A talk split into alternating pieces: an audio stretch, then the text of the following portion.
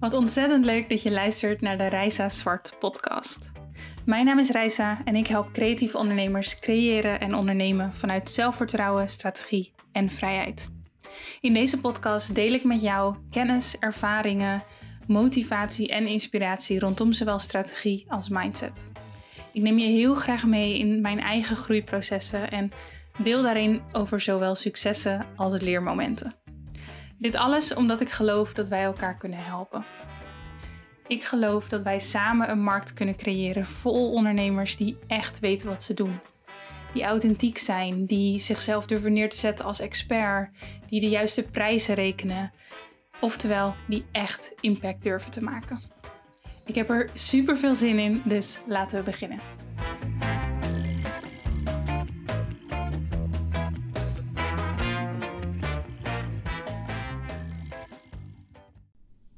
Yes, nummer 19 alweer van de podcast. Wat, ehm, wat gaat het snel. En aan de andere kant ben ik ook alweer een hele tijd bezig met deze podcast. En ehm, ja, geniet ik er enorm van. En vind ik het ook echt heel erg leuk om al jullie reacties elke keer erop te horen.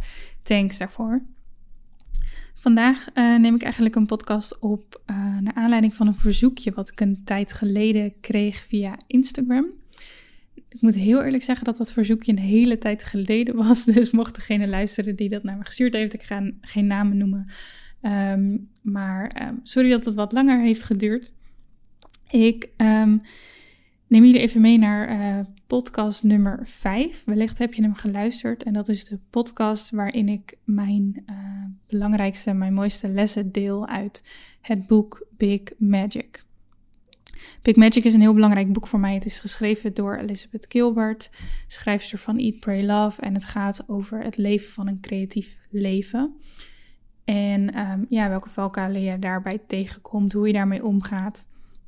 Echt, echt, daar zaten zoveel eye-openers voor mij in. En sindsdien ben ik dat eigenlijk, nou ja, bij iedereen aan het aanbevelen. Um, in podcast nummer 5 deelde ik daar dus mijn lessen uit. Mocht je die nog niet hebben geluisterd, Luister die zeker even. Um, ik ben heel erg trots op die aflevering. Ook al ging technisch niet alles goed daar, maar inhoudelijk.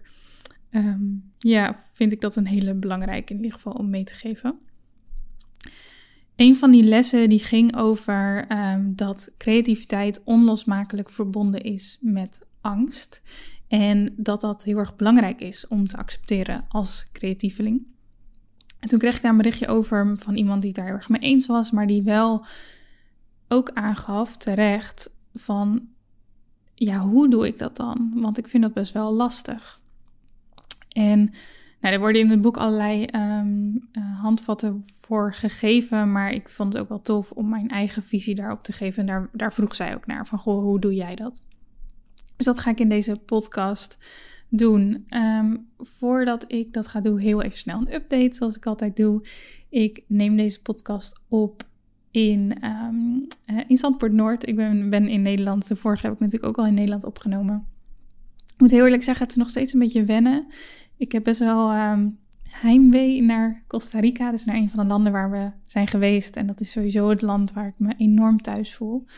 En um, ja, weet je, richting het einde van de reis, dat heb ik jullie ook in de podcast meegegeven, uh, had ik echt best wel zin om naar huis te gaan.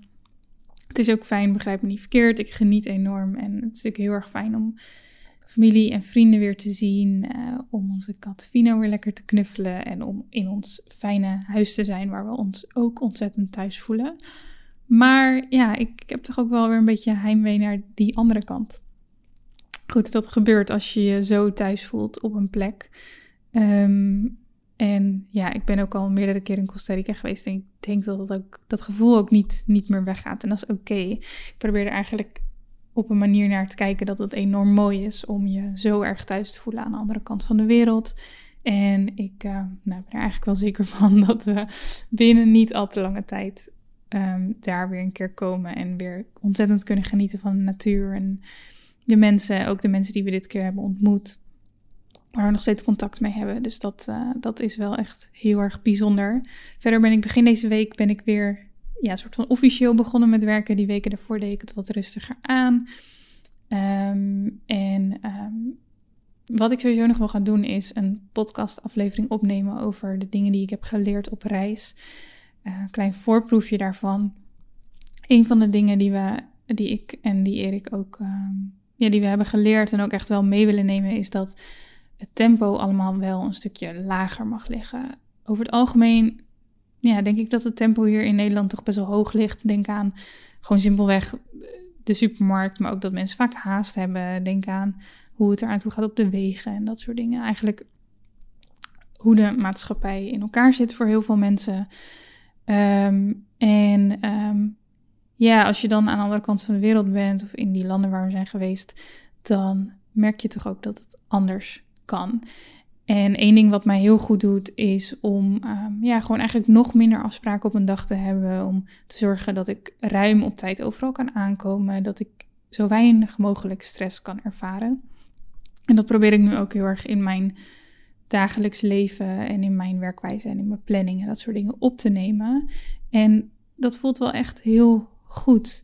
Ik voel meer, ehm, ja, nog meer vrijheid dan dat ik daarvoor eigenlijk voelde. Dus dat is wel heel bijzonder.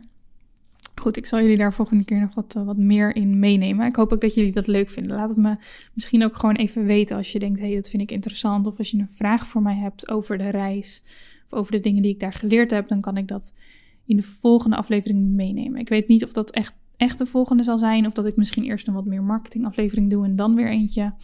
Ik ja, kijk eerlijk gezegd wel even waar ik zin in heb. Ehm, maar stuur me dus gerust even een berichtje op Instagram of zo als je daar iets over te zeggen hebt. Want dat vind ik alleen maar super interessant en dat waardeer ik heel erg.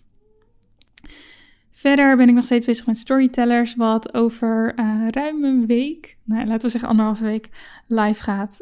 Ik heb er super veel zin in. Er moet nog veel gebeuren. Um, maar voor alle fotografen, dit wil je echt even checken. Ik, ja, ik ben echt trots op dit project en ik um, kijk er enorm naar uit om dit met jullie te delen. Mocht je nou als eerste toegang willen krijgen en mocht je dat voor een speciale prijs um, willen, dan moet je even aanmelden voor de wachtlijst. Um, en die kun je in de link in bio van mijn beide Instagram-accounts vinden. Kun je daar inschrijven en dan hou ik je op de hoogte en dan krijg je dus als eerste een uitnodiging. Goed, dat is.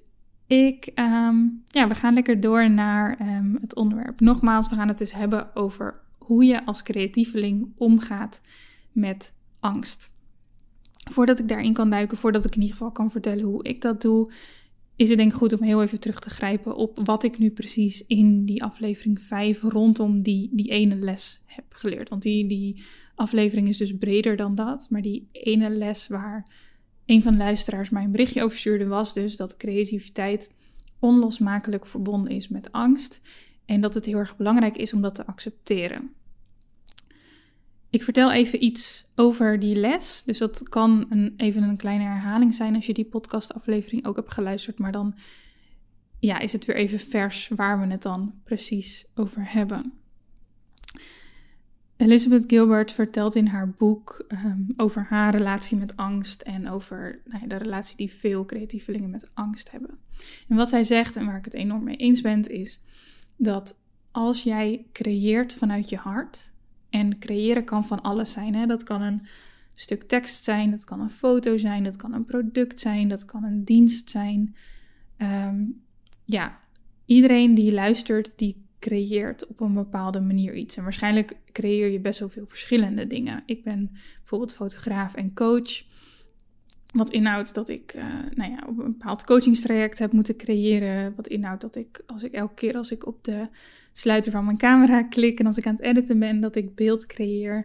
Maar betekent bijvoorbeeld ook dat ik dagelijks uh, content creëer voor op social media en dat soort dingen. Dus creëren is in die zin heel breed. Maar als jij creëert vanuit je hart, dus als jij dingen maakt die dicht bij jou liggen, dan is het vervolgens eng om dat de wereld in te sturen. Ik denk dat je dit wel herkent. En misschien voel je dat niet elke keer, maar waarschijnlijk kun je wel teruggrijpen op het moment dat je dat wel eng vond. En misschien was dat toen je net begon, of wanneer je iets creëert wat je nog nooit hebt gecreëerd en dat de wereld ingooit. Misschien op de momenten dat je wat kwetsbaarder bent. Ja, er zijn gewoon dingen die we spannend vinden om te delen. En dat is ook heel logisch. En dat is ook niet iets wat ehm, wat je weg hoeft te drukken. Want angst is net als creativiteit fundamenteel voor het mens zijn. Angst is belangrijk. Angst is hetgene dat jou ook in leven houdt. Het is, ervoor zorg, het is hetgene dat ervoor zorgt dat als jij de straat oversteekt, dat je goed links en rechts kijkt en niet zomaar oversteekt. Dat is wat angst doet. Het houdt je in leven. Alleen ons brein heeft best wel moeite met ehm, situaties inschatten. Ehm, in de zin van dat jouw brein niet altijd kan zien of ze echt levensbedreigend zijn of dat het om iets anders gaat. En dat is waar we als we dingen maken tegen aanlopen. Ehm, ik ga daar niet altijd diep op in. Mocht je dat interessant vinden, er zijn heel veel boeken over geschreven. Een stukje psychologie natuurlijk. Ze noemen dat wel eens het reptiele brein. Houdt in dat eigenlijk in de evolutie ehm, sommige delen van ons brein, ehm, zoals creativiteit en, en, en, en bewustzijn en dat soort dingen, dat dat minder goed ontwikkeld is dan sommige andere ja, eigenlijk meer een soort van oerdrift of oerkwaliteit. Dus die angst die kan heel sterk in de weg zitten, ook als het gaat om creativiteit. Omdat jouw brein nogmaals dus niet echt goed kan inschatten of, um, of we te maken hebben met een levensbedreigende situatie. Dus in principe, of jij ehm, eh, de straat oversteekt, wordt eigenlijk hetzelfde uh, gezien door jouw brein als dat je um, een um, bericht de wereld instuurt. Of misschien nog wel erger, misschien um, is dat jij wordt achterna gezeten door een of ander eng beest. Wordt dat soms gelijk getrokken met iets de wereld insturen wat kwetsbaar is. En dat is natuurlijk in absolute zin helemaal niet even gevaarlijk. alleen kwetsbaar zijn, jezelf kwetsbaar opstellen, dingen delen en ja, eigenlijk kwetsbaar kwetsbaar zijn staat één op één in verhouding met dingen creëren die dicht bij je hart liggen. Die veroorzaken wel een sociaal risico. Ehm, wat als mensen het niet snappen? Wat als mensen het niet mooi vinden? Wat als mensen het veroordelen? En dat zijn dus angsten die op kunnen spelen als je dingen deelt. Ik, ehm, ik, zal even een, zinnetje uh, oplezen wat Elizabeth Gilbert in haar boek heeft geschreven. Zij zegt. Your fear will always be triggered by your creativity, because creativity asks you to enter into the realms of uncertain outcome. And fear hates uncertain outcome. Het benadrukt eigenlijk wat ik net zeg. Hè? Dus als jij voor een situatie staat waarvan de, um, het resultaat, uh, de uitkomst onzeker is, dan grijpt angst eigenlijk in. En dat, ja, dat kan dus gebeuren bij een heel, heel breed scala aan situaties. Wat gebeurt er dan? Nou, je krijgt gedachten als: wie ben ik om dit te doen? Ben ik wel goed genoeg? Is hetgeen dat ik maak wel belangrijk genoeg?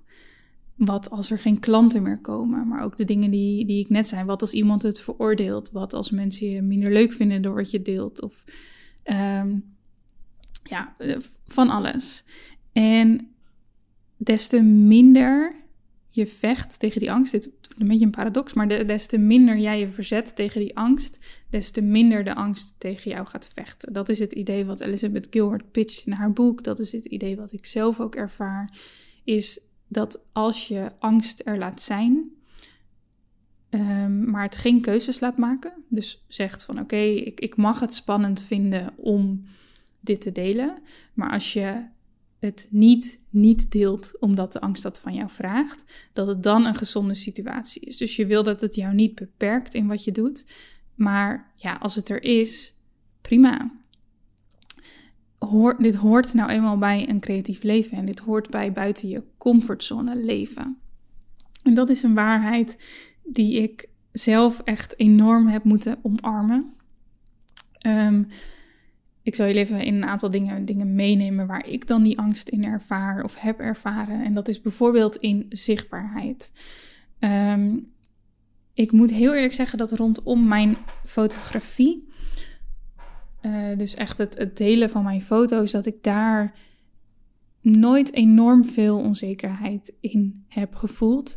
Bij mij zit het in andere dingen. Bij mij zit het bijvoorbeeld in mijzelf laten zien. Dus zat het in het opstarten van een personal brand.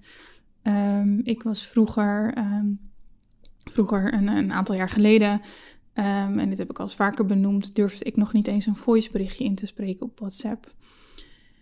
Het idee dat ik ooit zou praten op camera of dat ik mezelf zou filmen, uh, dat ik misschien op een podium zou staan, dat waren allemaal eigenlijk, ja, als ik het even extreem mag zeggen, dingen uit mijn nachtmerries. Verder kan ik soms bijvoorbeeld ook wat angst voelen als ik een um, masterclass geef waarin ik dingen meegeef en mensen, mensen reageren een tijdje niet omdat ze bijvoorbeeld heel erg aan het luisteren zijn. Dat is ook een moment dat ehm, bij mij soms wat angst binnenkruipt. Dus dat ik mezelf vragen ga stellen van, oh, is het wel interessant? Waarom zijn ze zo stil? Ehm, is het dan niet interessant genoeg? Weet ik hier wel genoeg van? En dat zet inmiddels niet meer door, overigens. Maar ik probeer gewoon een beetje mee te nemen in wat dan angsten of onzekerheden zijn die bij mij wel eens de kop opsteken. Ik kan het ook wel eens hebben als ik, uh, nou ja, geen idee, een beetje een slechte dag heb. Uh, wat onzekerder ben misschien. En ik, uh, ik zie iemand anders iets doen wat ik al heel lang ook wilde doen. Of waar, ja, geen idee. Van alles kan dat, kan dat triggeren. Ehm, en ik denk ook hoe, hoe meer ervaring je hebt en hoe sterker je wordt in je mindset en hoe beter je weet wat je zelf wil, hoe minder dat soort dingen je ook raken. Maar dit gaat nooit helemaal weg en dat is dus ook niet de bedoeling. En een moment waarop het bij mij bijvoorbeeld denk ik nooit weg zal gaan, is het moment voordat ik een podium opstap om te spreken over fotografie of ondernemerschap.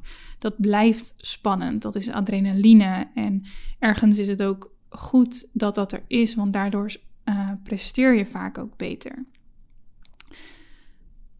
Wat kun je nou doen op het moment dat die angst jou lam legt? Want kijk, die angst mag er dus zijn, maar wat we niet willen is dat het keuzes voor ons maakt. We willen de dingen kunnen doen die we willen doen, ook al vinden we het spannend. Maar er zijn ook situaties en er zijn ook personen waarvoor die angst hun lam legt en waardoor je dus eigenlijk geen keuzes maakt of geen stappen vooruit zet. En dat is wat je koste wat kost wil voorkomen. Een aantal dingen die mij hebben geholpen, dus die mij eigenlijk hebben geholpen met het omgaan met angsten, met onzekerheden, met twijfels, is ehm, nummer één dat ik altijd onthoud wat het doel ervan is en dat ik het doel belangrijker maak dan mijn eigen onzekerheid. Dat is nummer één. Nummer twee, ik denk ook dat dit gewoon heel veel te maken heeft ook met een stukje zelfliefde. Ehm, dus hoe meer jij um, ja, eigenlijk trots kan zijn op jouzelf, hoe meer je van jezelf houdt, hoe meer je van jouw werk kan houden, des te makkelijker je ook over dit soort dingen heen kunt gaan stappen. Dus dat is eigenlijk echt een, ja, een mindset die je moet trainen. En nummer drie zijn er ook nog allerlei trucjes die je kunt toepassen om hiermee om te gaan. Maar goed, we beginnen even bij nummer één. Stel jij hebt een angst om zichtbaar te zijn. Of stel jij hebt um, elke keer wanneer je naar een bruiloft gaat als bruidsfotograaf, uh, breekt het zweetje uit. Heb je de angst dat het niet gaat lukken. Ik heb meerdere mensen die dit hebben. Ik zelf trouwens niet, maar daarom haal ik dit even aan. Stel dat jij um, elke keer voordat je een kennismakingsgesprek hebt met bijvoorbeeld iemand waarvoor je coaching gaat doen, waarvoor je een illustratie maakt, wat het ook is dat je doet, dat je elke keer van tevoren denkt: oh, maar wie ben ik en waarom zouden ze niet bij iemand anders gaan? Kortom, als je, het, als je het spannend vindt. Of als jij, een, uh, als jij producten maakt en telkens voordat je het opstuurt uh, voordat je een mail verstuurt, voordat je een pakketje opstuurt, denkt: is het wel goed genoeg? Wat wil je dan doen? Nou, voor mij helpt het heel erg om dus na te denken over wat is het doel uh, en wat is het resultaat van als ik dit wel doe. Dus wat als ik dit wel doe? Wat betekent het dat dan voor die ander? Um, in het geval van um, mijn angst rondom uh, public speaking, dus op een podium staan, is dat als ik dus, nou, van tevoren vind ik dat spannend, hè, ben ik bang voor reacties, nou, welke angst ik dan ook heb. Maar als ik dan vervolgens bedenk hoe belangrijk ik hetgene vind waarover ik ga vertellen, en dat als ik maar één iemand hiermee kan helpen, dat dat me al waard is, dan kan ik mezelf dus over mijn eigen angst heen zetten. Want dan denk ik, oké, als ik iemand hiermee kan helpen, met mijn verhaal, met de dingen die ik meegeef. En diegene heeft daardoor een beter bedrijf, een beter leven, een beter wat dan ook. Dan moet ik het gewoon doen. Want mijn eigen angst ja, vind ik minder belangrijk dan iemand anders helpen. Dus dat is één ding wat je kan doen. Focus op het doel, focus op het resultaat. Wat gebeurt er als jij dit wel doet? Wat kun je voor iemand betekenen? En als jij dat belangrijk genoeg vindt, dus als jouw waarom sterk genoeg is, dan weet ik, dan weet ik echt, daar vertrouw ik op, dat jij je over jouw angst heen kunt zetten. Dan kun je het doel belangrijker maken dan jouw eigen onzekerheid. En eigenlijk ook een stukje dan jouw eigen ego. Want dat is vaak waar we mee te maken hebben als we ja, bang zijn met bepaalde dingen. Dan zijn we bang om door de man te vallen, bang dat ons ego gekwetst wordt. Terwijl als jij die ander belangrijk maakt, dan is dat een ontzettend mooi ding om te doen voor die ander, maar dus ook voor jou, omdat dat ervoor zorgt dat je die stap wel gaat zetten. En uiteindelijk, dat zul je ook merken als je vaker buiten je comfortzone stapt, het is het altijd waard. Het levert niet altijd exact hetgene op wat je had gedacht. Dus soms dan Ehm, ja, verwacht je iets, gebeurt er iets anders. En dan kan dat misschien even balen zijn, kan je daar misschien even aan moeten wennen. Um, voorbeeld is dat ik bijvoorbeeld ook wel eens een workshop heb gegeven. En dat ik dacht, oh, dit gaat helemaal lukken, dit gaat helemaal goed komen. En het ging ook goed, maar achteraf twijfelde ik toch aan hoe goed het was en dat soort dingen. En dan moet je daar toch soms even doorheen, leer je daar weer lessen van. Nou ja, weet je, buiten je comfortzone stappen is het gewoon altijd waard. Dat weet ik echt zeker. En wanneer je stapjes zet, en dat mag je overigens in kleine stappen doen. Hè, dus als jij iets spannend vindt, dan hoef je ook gelijk niet van 0 naar 100. Dan is het heel erg waardevol om eigenlijk gewoon de eerstvolgende stap te bedenken en die langzaamaan te gaan zetten. Dat is misschien eigenlijk wel nog een, eh, een punt om hiermee om te gaan, nog een punt in de lijst. Goed. Um, volgende manier die ik aan je meegaf is dat ja, dat dit dus ook gewoon, zeg maar, uiteindelijk in de basis natuurlijk op zelfliefde komt. Ehm, dat vind ik een lastig onderwerp. In die zin, ik vind het een heel interessant onderwerp. Ik zou er heel graag een podcast over opnemen. Moet ik ook gewoon doen. Ehm, maar het is natuurlijk wel heel uitgebreid en voor iedereen heel erg anders. Wat ik in ieder geval wil meegeven is dat hoe vaker jij jezelf vertelt dat het niet goed genoeg is, des te eerder jij dat ook gaat geloven. Nu kunnen we het natuurlijk ook omdraaien. Des te vaker jij, jij jezelf vertelt dat het wel goed genoeg is en dat je trots op jezelf bent en dat hetgene dat je doet mooi is, belangrijk is, waardevol is, des te eerder je dat ook gaat geloven. Dus wat wil je doen? Je wil eigenlijk telkens wanneer je ehm, de neiging hebt om jezelf naar beneden te halen, dus om te gaan denken, zie je wel, ik kan het niet, zie je wel, dit is de reactie, ik ben niet goed genoeg, is dat je daar bewust van bent en dat je stopt en dat je denkt: hoe kan ik dit omdraaien? Hoe kan ik dit beter maken? Ehm, soms uh, moet je gewoon even stoppen met waar je mee bezig bent, moet je iets anders gaan doen. Maar misschien kun je ook bijvoorbeeld een keer jouw gedachten uitschrijven. Dus stel, um, nou, je hebt een resultaat geleverd aan een klant hè, en die klant geeft niet precies het um, reactie terug waar je, waarop je gehoopt had. Dan kun je dat op jezelf betrekken. En kun je denken, oh zie je wat, is niet goed genoeg. Je kunt jezelf omlaag gaan praten. Je kunt ook even wat afstand nemen en objectief kijken. En zeker luisteren naar wat die klant te zeggen heeft. Maar ook gaan kijken van, hey, heb ik misschien de verwachtingen niet goed gemanaged? Ligt het wel aan het daadwerkelijke werk wat ik heb afgeleverd? Of is dit gewoon geen match. En dan alsnog heb jij daar natuurlijk ook een actie in te doen. Hè? Want dan zul je dit soort klanten niet meer aan moeten nemen of zul je duidelijker moeten worden in je communicatie. Maar ja, dit soort dingen zijn vaak complexer dan dat ze in eerste instantie lijken. Ander voorbeeld is als jij jezelf vaak vergelijkt met mensen op social media en als je daar ongelukkig van wordt, als je daardoor jezelf naar beneden haalt, dan ja, zou ik zeggen, ontvolg die mensen alsjeblieft. Het is sowieso ook interessant om te kijken waar die trigger vandaan komt. Dus als jij telkens getriggerd wordt door iemand en iets vervelend vindt, dan zit daar ook vaak een stukje in. Ehm, ja, ik wil, niet, ik wil niet jaloezie noemen, maar dat is ook vaak iets dan. En dan herken je ook vaak iets in jezelf of iets wat je had willen doen. Dus het is interessant om, om te kijken naar wat, wat zit daarin? Wat kan ik daarvan leren? Maar het kan ook heel waardevol zijn om iemand gewoon lekker of gelijk of na dat proces te ontvolgen en niet meer die, die trigger te hebben en gewoon iets meer in je eigen bubbel te gaan zitten. Dat is iets wat mij ook enorm heeft geholpen. Is niet constant maar content van anderen tot me nemen, maar ook zeker op de momenten dat ik daar behoefte aan heb, lekker in mijn eigen cocon te zitten en lekker te maken wat ik wil, zonder de hele tijd geconfronteerd te worden met wat iedereen, wat alle anderen aan het maken zijn. Want dat beïnvloedt je toch. Er zijn heel veel redenen waarom je dat minder wilt doen, maar dit is er dus ook één van. Het, als het een slecht effect heeft op je mindset en over de kijk die je op jezelf hebt, dan ja, is dat gewoon ongezonde input en dan wil je daar afscheid van nemen. Dus train die, mindset, train die zelfliefde. Um, en weet dat dat echt een ontzettend belangrijk onderdeel hier ook van is. Goed, nummer vier, de uh, trucjes. Um, nou ja, eentje die ik in ieder geval wil, wil meegeven is dat stel dat jij elke keer dat je, ik zei het net, hè, elke keer dat je naar een bruiloft gaat, dat het zweetje uitbreekt. Elke keer dat je een kennismakingsgesprek hebt met een coachingsklant of wat je dan ook doet. Of telkens wanneer je iets opstuurt. Is dat je bijvoorbeeld uh, reviews van jouw klanten kunt lezen. Klinkt misschien heel kinderachtig, maar ehm, ehm, lees gewoon de woorden van jouw klanten. Um, en probeer die vibe een beetje mee te pakken voordat je dus ook naar een nieuwe klant toe gaat of wat dan ook.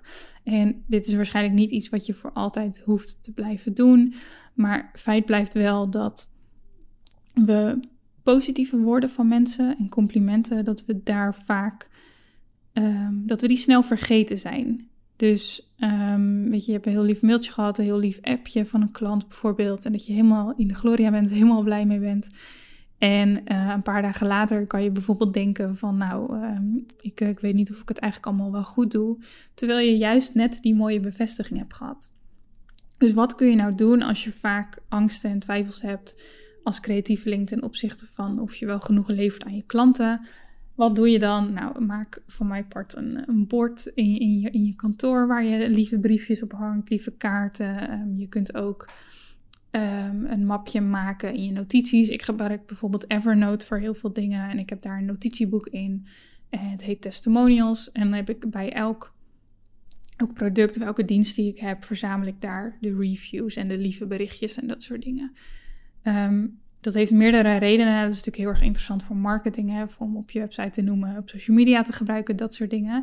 Maar het heeft ook de reden dat um, mocht ik twijfelen over iets, mocht ik twijfelen over of een bepaald product wel waardevol is, um, dan kan ik dus heel makkelijk checken van hey, is dat gegrond of is dat ongegrond? En als ik een, ja, een mapje heb met allemaal super lieve berichtjes en waardevolle berichtjes wat mensen daar gehad hebben, wie ben ik dan eigenlijk om daaraan te twijfelen?